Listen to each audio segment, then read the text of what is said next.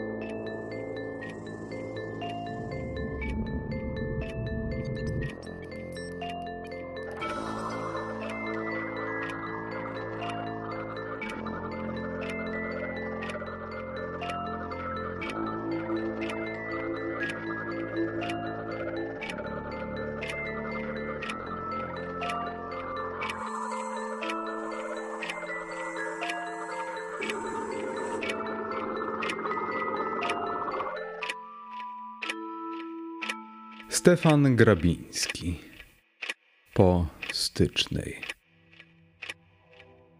Wrzecki wyszedł z domu o trzeciej po południu. Przedsięwziął dłuższą przechadzkę po mieście, by wśród bezcelowego błąkania się po ulicach, przekradania pomiędzy domami zagłuszyć katującą go od miesiąca zmorę myśli, przeciąć pasmo sylogizmów uparcie rozciągających na torturach biedny mózg neurastenika. Był rozstrojony do niemożliwości i wrażliwy na najdrobniejsze szczegóły życia wewnętrznego. Przed pół rokiem przebył ciężką chorobę umysłową, która rzuciła na gangliony niezatarte ślady swego przebiegu, jak odpływ pozostawia na nadbrzeżnych ławicach wywleczone morszczyny. Rozgałęziły mu się warstwą przybylczą, zrazu obcą, pasożytną, by po jakimś czasie włączyć się jako organiczne ogniwo i wytworzyć nowe skojarzenia i związki. Dawniej, trochę bezładny w myśleniu, zaczął teraz rozumować z bezprzykładną logicznością, aż do męczarni, kształtować całe szeregi najnieprawdopodobniejszych teorii i teoryjek i poddawać się ich sugestywnej pseudooczywistości.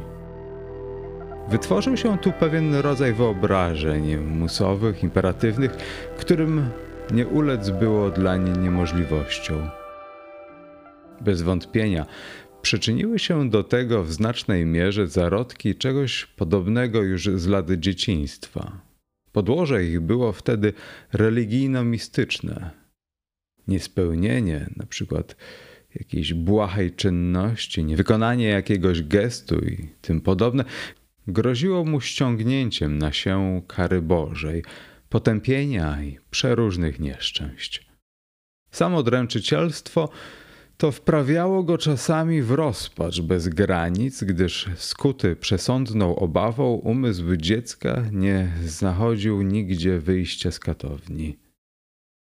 W miarę rozwoju inteligencji obłęd mijał. Po przesileniu się nieszczęsnej choroby mózgu powrócił, chociaż w zmienionych znacznie kształtach.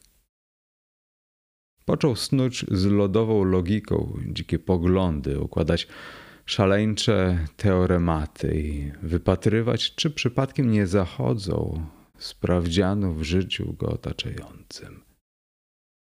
Najsłabszy choćby cień czegoś w tym rodzaju nabierał w rozwydrzonej wyobraźni rysów pełnych, nasyconych i zniewalał go do poddawania się wnioskom stąd zajadle logicznym. Doznawał dziwnej rozkoszy, ilekroć zdawało mu się, że jego systematy zdradzają jaką taką rację bytu.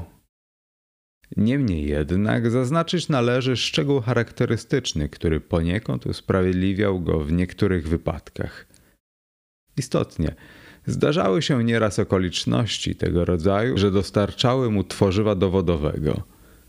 Życie jakby siliło się umotowywać bieg myślowy szczególnego osobnika, lecz tu Zaczyna się rozwiewna rubież słońca i nocy, jasności i mroków. Grunt niepewny, torfiasty, wiecznie dymiący oparami, odurzający czadem. Czy Wrzecki był obłąkańcem? Czy Wrzecki miał słuszność? Może jedno i drugie. Dylemat bez wyjścia. W gleczerach bytu nieci słońce skrwawe ognie. Iglice szczytów dyszą krwią. Gleczery bytu kwefy mgieł stuliły. Na cyplach ćmi się noc. Czy prawdą mgły, czy krew? I z słońca mgły się rodzą. Wrzecki już od godziny przecinał przecznicę, krążył po najludniejszych placach, chodnikach, wystawał przy sklepach, czepiając się szklanym wzrokiem krzykliwych barw i kształtów. Dzień był jesienny, przeniknięty strzeżogą dymów, wilgocią dżdżu. Z rozchwiei mgieł wysnuwały się jakieś twarze widmowe, maski zagadek, zacięte usta symbolów. Zdawało mu się, że każda z nich patrzy weń ze szczególnym wyrazem, jakby porozumiewawczo, sennie nudnym grymasem, poza którym kryła się świadomość prawdy wspólnej, tak dobrze obojgu im znanej, że się nawet nie ma co silić na jej podkreślanie. Znużyły go twarze. Przeszedł na odludną ulicę. Była wypełniona po brzegi mlecznymi złożami oparów. Szedł ostrożnie, by nie natknąć na latarnię. Po pewnym czasie uczuł na plecach czyjąś rękę. Serwus, Władek! A, to ty. Nie poznałem, ale bo mgła zakuta. Wrzecki serdecznie ściskał podaną mu dłoń. Dokąd? Do prosektorium. A, do trupiarenki, operacyjka, krajanie nieboszczyka, co? Coś w tym rodzaju. Co to za cenny szpargał w kieszeni? Rzecz dość ciekawa. O samozatruciu u wężów. Problem zajmujący. Kto wie, może i tam bywają tragedie? Hm, rzeczywiście. Ale ty się widocznie śpieszysz. Do miłego zatem. Pożegnali się. Wrzecki już miał skręcić w prawo, gdy wtem dogonił go kolega medyk. Ale, ale, korzystaj ze sposobności, dopóki cię znów nie napadnie mania ślęczenia tygodniami w domu. Moncher, radzę ci przejść się po wystawie. Oto akcja. Pyszne rzeczy na honor. Parę niezrównanych szkiców i pejzaży i nasz stary w gronie asystentów. Wściekła gęba. Wszyscyśmy pochwyceni jak złodzieje na gorącym uczynku. Setny chłop.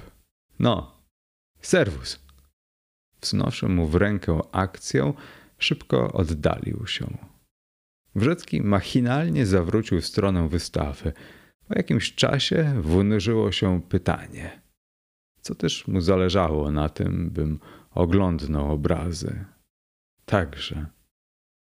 Chwilę później Zastanowiła go własna ciekawość co do owych papierów wyzierających z paltota młodego eskulapa. A przecież gdybym się nie był zapytał, nie dowiedziałbym się tytułu rozprawki. Cóż mnie to znowu tak zajęło? Obok mignęło w przechodzie, jak przez sen, dwóch mężczyzn o czymś żywo rozprawiających. Doleciał go urywek dialogu. Ależ na miłość boską, niewiadomy panu powód szalonego. Owszem, mówią, że pojedynek amerykański wyciągnął podobno czarną. Resztę zgłuszył turkot przejeżdżającego wozu. Wchłonęła mgła. Przecież to skończony idiotyzm zdawać się na takie rozstrzygnięcie sprawy, pomyślał. Uczuł się bardzo znużonym. Nerwowy ból głowy dokuczał mu nieznośnie. Usiadł na ławce pobliskiego skweru, wyjął papierosa i zapalił. Miejsce było zaciszne. Wokoło przekwitających krzaków róż jesiennych. Drobne, herbaciane płatki, spadłszy z pąkowia, zatrzymały się tu i ówdzie na gałązkach lub rozsypały na trawników bezładny ornament. Na prętach dumały łzawo krople mgły. Zarysował się wąski, przejrzysty pasek, opijał wodą, pęczniał, wahał się, by wreszcie stoczyć się wyraźnym kształtem kuli. Coś podchodziło kryjomu ruchem do świadomości, wkradało się coraz dokładniej, natarczywiej, skrystalizowało się. Zastanówmy się, czyż nie zauważył momentu wspólnego między spotkaniem z brzegotą a fragmentem posłyszanej rozmowy? Aha, jesteśmy na tropie. Samozatrucie u wężów i następstwa wyciągnięcia czarnej gałki. Wybornie. Zachwycająco. Punkty zdradzają stylizację. Możemy je połączyć. Wrzecki był w wyśmienitym humorze. Zwietrzył materiał dowodowy dla jednej ze swych teorii. Specjalny zapał do matematyki nie pozostał i tu bez wpływu na sposób jego ukształtowania. Wychodząc ze systemu planetarnego, przedstawił sobie graficznie bieg życia rozmaitych jednostek i zdarzeń jako wydłużone elipsy, po których dany osobnik krążył na sposób punktu matematycznego. Linie te stanowiły dla siebie zwarte całości ze swoistą organizacją, ideą, planem, wyłączną konstrukcją. Elipsy te, jak stosunki ludzkie, musiały się oczywiście wzajemnie krzyżować, przecinać w najprzeróżniejszych kombinacjach, oddziaływując na się odpowiednio do zgrupowania jednoplanowego. Wszystkie bowiem musiały rozpościerać swe skręty li tylko w jednej płaszczyźnie. Elipsy o kierunkach wichrowatych jako wyobrażenia zdarzeń życiowego biegu jednostek zupełnie się wzajemnie stykających nie znachodziły punktów przecięcia. Wśród tej zawiłej sieci spostrzegł jednak Wrzecki, że krzywizny mogą się tak ustawić punktami największego rozmachu, że da się przez nie przeprowadzić linię prostą.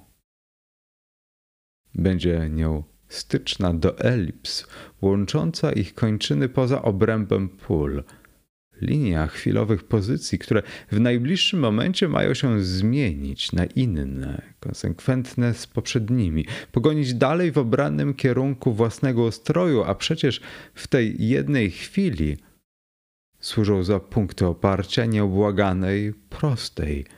Linia zupełnie przypadkowych zdarzeń, śmiesznie bezcelowych zestawień, dziwacznych do bezsensu zbiegów okoliczności. A jednak Wrzeckiemu przedstawiała się sprawa nieco inaczej.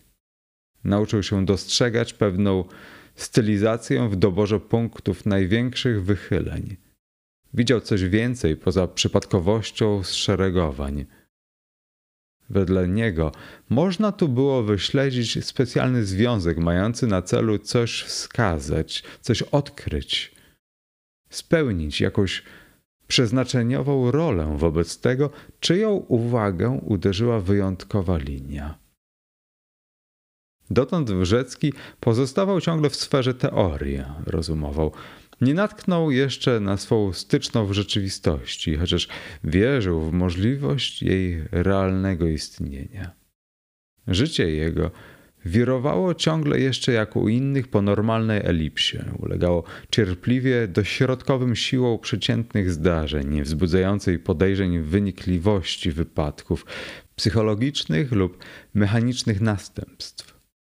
Niemniej był gotów w każdej chwili za najmniejszym potrąceniem z zewnątrz wypaść z toru i podążyć z fatalną szybkością po zabłąkanej kolejinie.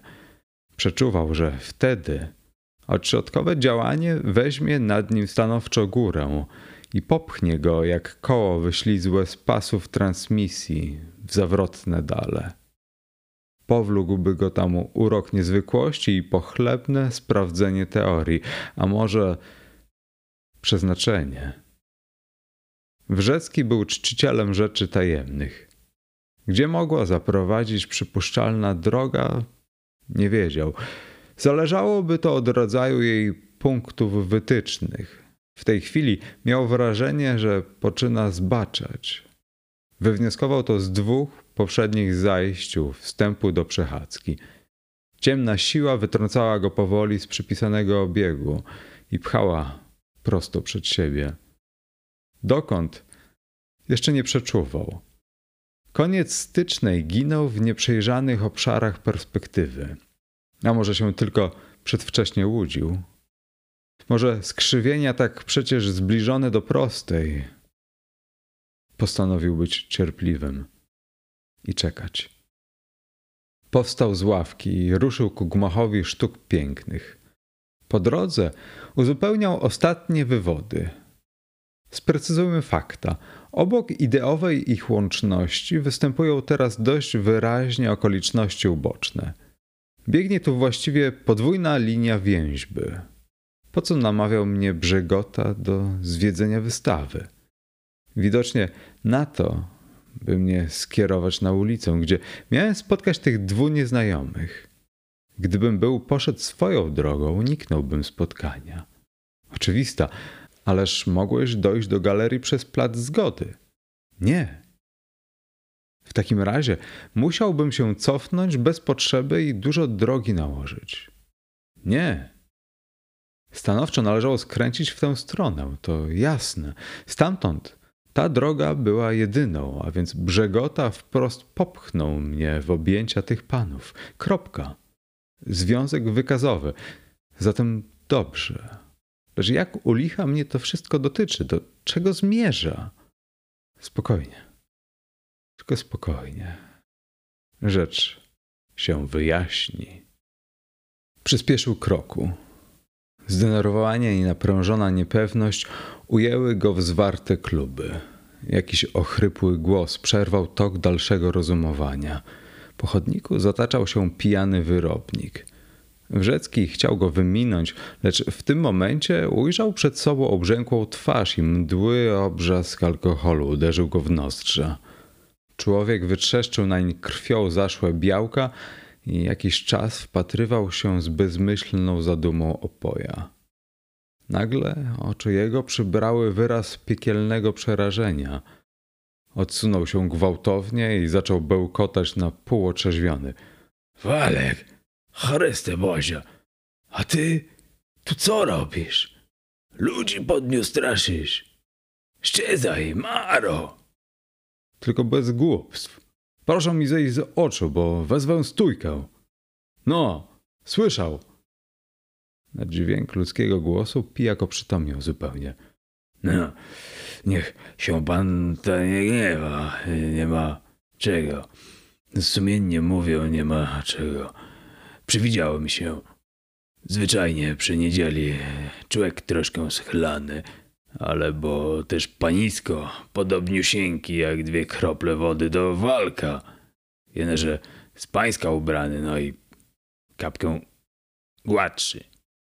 A to chłopisko całe życie łaziło w ochmanach. Dalej Bóg. Tak samusieńko wyglądał z pyska, jak go oderżnęli z haka. Widzi pan, powiesił się, bestia z głodu. Wrzeckiemu zrobiło się nieswojo. Chciał już zboczyć w sąsiedni pasaż, lecz zarobnik, zmierzający snać w tymże kierunku, począł go prosić z uporem pijaka. Niechże pan z łaski swojej nie idzie na mną w te pędy. Tak mi głupio jakoś, jakbym śmierć miał na karku. Lepiej już rozejdźmy się. O, tędy, wolna droga. I przepuścił go mimo wąski zaułek o parę kroków dalej, by się pozbyć natręta, ustąpił. Robotnik zanurzył się w podsienia przechodniej bramy. Popędził po swojej lipsie. Mruknął odruchowo Wrzecki. Podążył wyznaczonym sobie ściegiem. Dla niego to tylko nic nieznaczący epizod. Nawet nie domyśla się swej roli w ubiegłej sekundzie. Otarł czoło, było zlane zimnym potem. Obudził się instynkt samozachowawczy.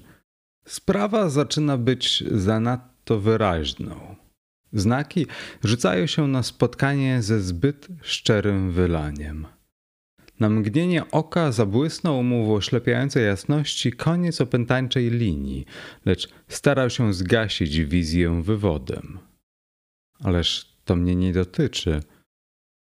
I cóż stąd, że się temu pijanemu łazędze przewidział we mnie jakiś tam wisielec? To stanowczo mnie nic nie obchodzi. Zawsze miałem wstręt do podobnej śmierci. Wkrótce jednak uznał niedostateczność racji i przeciągnął linię po punkt trzeci.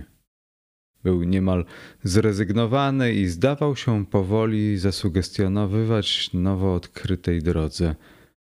Wśród tego nie uszło jego czujnej uwagi, że właściwie nie może już zwiedzić wystawy, bo zboczył poddając się uporowi pijaka. Umocnił się tedy w przekonaniu, że w samej rzeczy nie chodziło bynajmniej o to, by podziwiał imponującą grupę młodych lekarzy z obrazu, lecz by umożliwić mu dwa najbliższe spotkania. Gdy te przyszły do skutku, potrącono go znowu w innym kierunku. Przeżocze szale motały się na przyczołach kamienic, wieszały w wykrojach nieba między dachami. Przez wątłą ich tkaninę wnikały w parowe ulicy, lśnienia słońca nieśmiałe, zmatowane. To szczególne. Właśnie teraz, gdy sprawa zaczyna nabierać plastyki konturów, czyżby i to pozostawało w związku? Dostał nerwowej drgawki koło powiek. Nogi poczęły wykonywać niezależne już od woli powiewne ruchy. Przed oczyma ćmiły się wiotkie szare płaty. Z trudem dowlókł się do odkrytej werandy jakiejś kawiarni i ciężko obsunął się na kozetkę. Podano mu dzienniki i czarną kawę. Wychylił szklankę łapczywię i wgłębił się we wstępnym artykule Figara. Coś mu przeszkadzało. Nie mógł czytać swobodnie. Parę razy już odwrócił głowę i kręcił się niespokojnie na miejscu, daremnie usiłując otrząsnąć się. Wyczuwał nerwami czyjś wzrok na sobie. Wreszcie otwarcie zwrócił oczy w stronę, skąd go niepokojono. Dopiero teraz spostrzegł za stolikiem na prawo starszego już mężczyznę w żółtawym haweloku, z szyją owiniętą szczelnie almawiwą, który znać już od dłuższego czasu przypatrywał mu się z obrażającą ciekawością. Fizjognomia nieznajomego łączyła w dziwnej zgodzie sympatyczność z oryginalnością.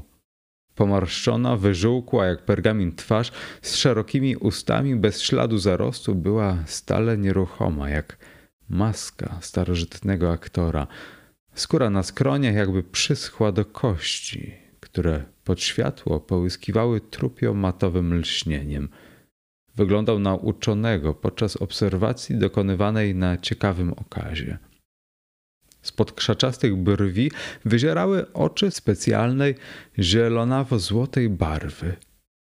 Tysiące fosforyzujących igiełek drgało tam szybko zmiennym ruchem, jak w iskierniku baterii, nadając źrenicy wyrazu świetlanej przenikliwości. Oczy te wżerały się literalnie w ciało i przepatrywały je na wskroś do najdrobniejszego włókienka. Wrzecki zauważył, że nieznajomy nie patrzy mu w oczy, lecz studiuje raczej jego głowę na poziomie czoła. Już chciał podnieść się i zażądać wytłumaczenia od natręta, gdy ten wyprzedził go i wstawszy od stołu, począł krok za krokiem zbliżać się ku niemu, nie spuszczając oka z obranego punktu na czaszce. Wreszcie zatrzymał się tuż przed Wrzeckim i odezwał: Winszuję serdecznie winszuję. To było celnie, co się zowie, pi, pi, pi i gdzie trafione, w sam środek wzroku.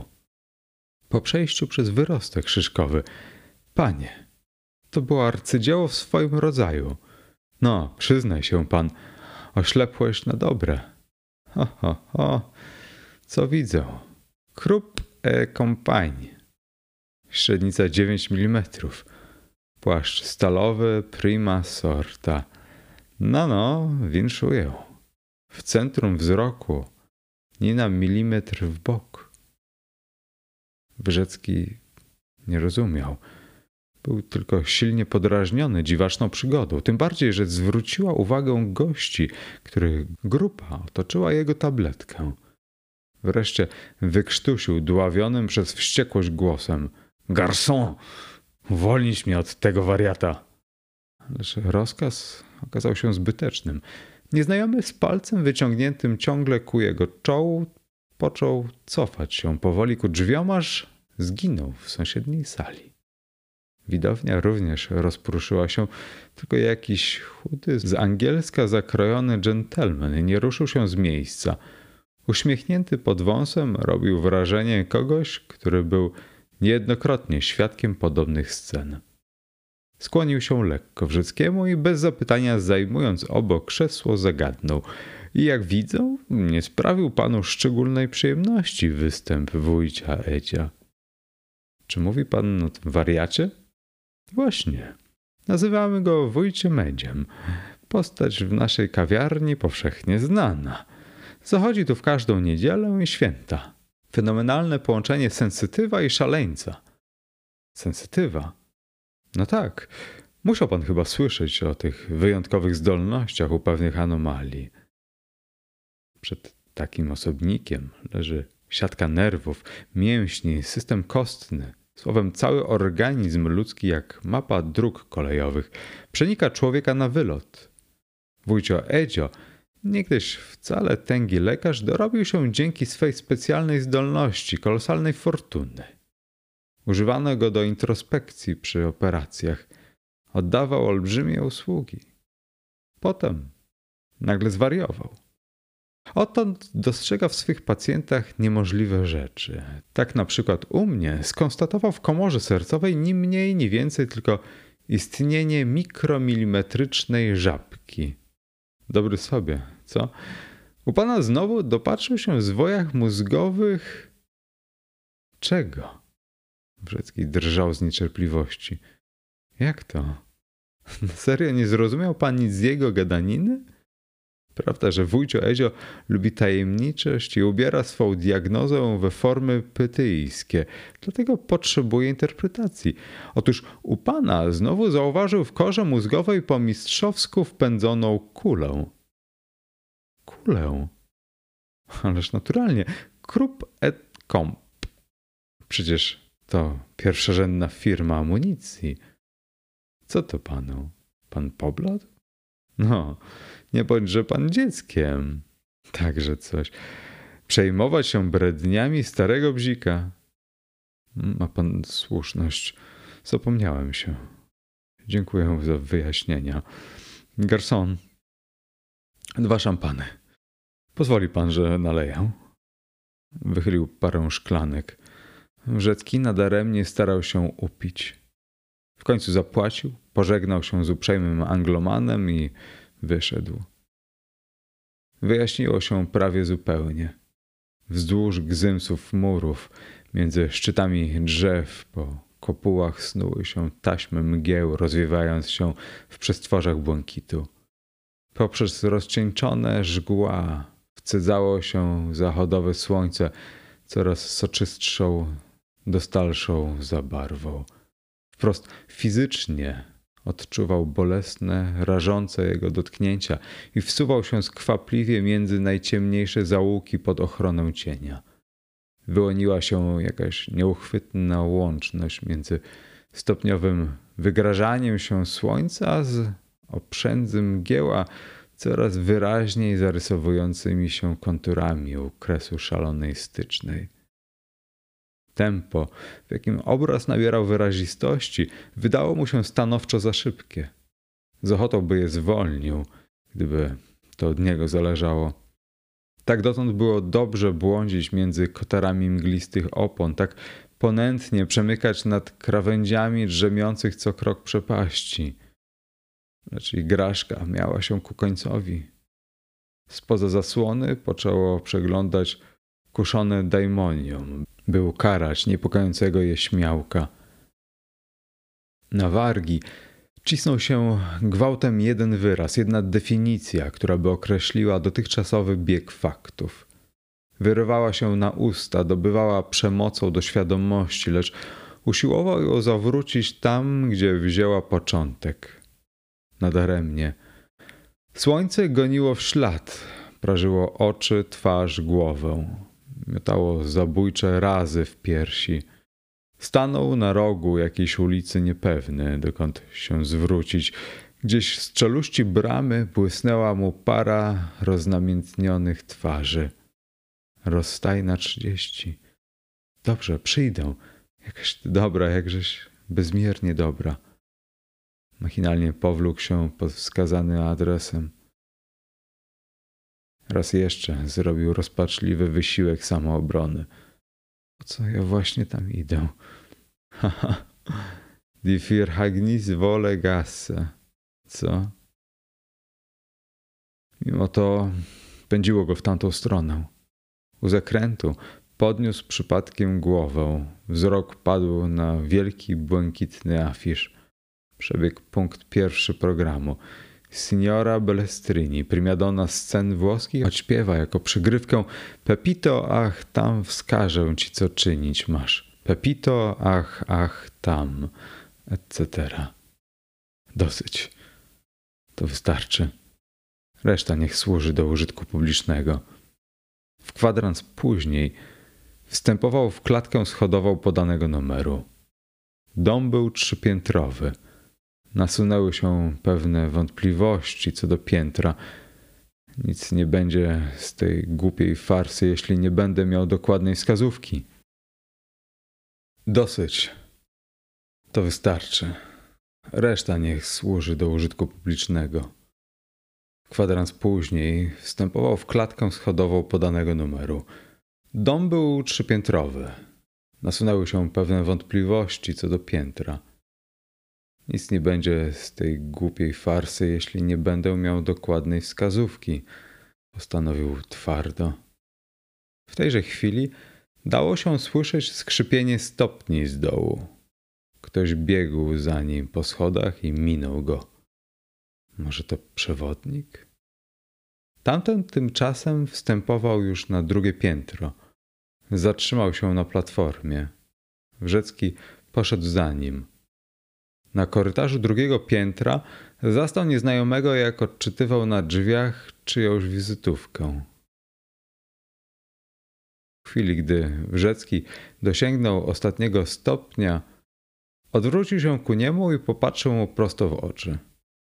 Po czym natychmiast zaczął się wspinać na trzecie schody. Dziękuję! krzyknął niemal Wrzecki, który w spojrzeniu obcego dostrzegł szczególny, jakby porozumiewawczy wyraz. Więc to tutaj. Przyznać jednak potrzeba, że pilnują mnie do ostatniej chwili. Co za usłużność. Proszę. Bez wahania otworzył drzwi, pod którymi parę chwil temu zastał przewodnika.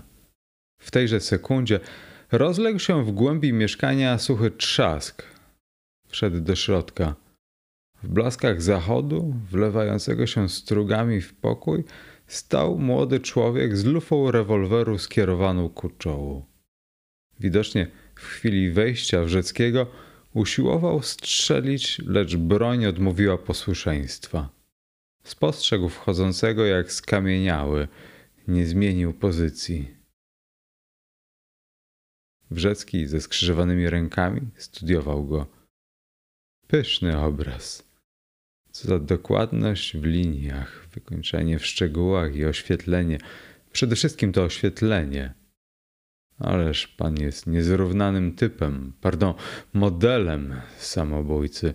Co mówią z pana sobowtór, pra samobójcy. Wyrwał mu gniewnie z ręki rewolwer. No, dość tego. To nie dla pana zabawka. Kochany, pan się pomylił. Ale to nic nie szkodzi, inaczej nie mógłbyś spełnić swojej roli, co? Powie mi pan o zawiedzionej miłości lub długu honorowym? Fraszki, młodzieńcze fraszki. Miałeś być tylko obrazem, symbolem dla kogo innego. Rozumie, kochany pan? Dlatego maszynka spudłowała.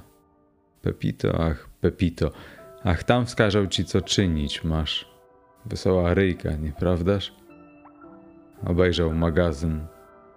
Aha. Starczy jeszcze na jeden strzał. Świetnie. Wie pan, to będzie zabawne qui pro quo. Zmarszczył czoło. Ale, ale, pan może mieć pewne nieprzyjemności. Zawsze to w pańskim mieszkaniu. Wie pan co? Powiesz im, że przyczyną była stylizacja wypadku, a pan byłeś jej ostatnim szczytowym punktem. Tak, tak pan powie. I pomyśleć tu, że gdyby się tak był zdecydował parę minut wcześniej. No, no.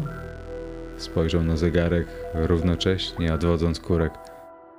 Szósta. A jednak ja sam, wychodząc dziś o trzeciej z domu, nie byłbym nigdy przypuścił, że za trzy godziny. Co?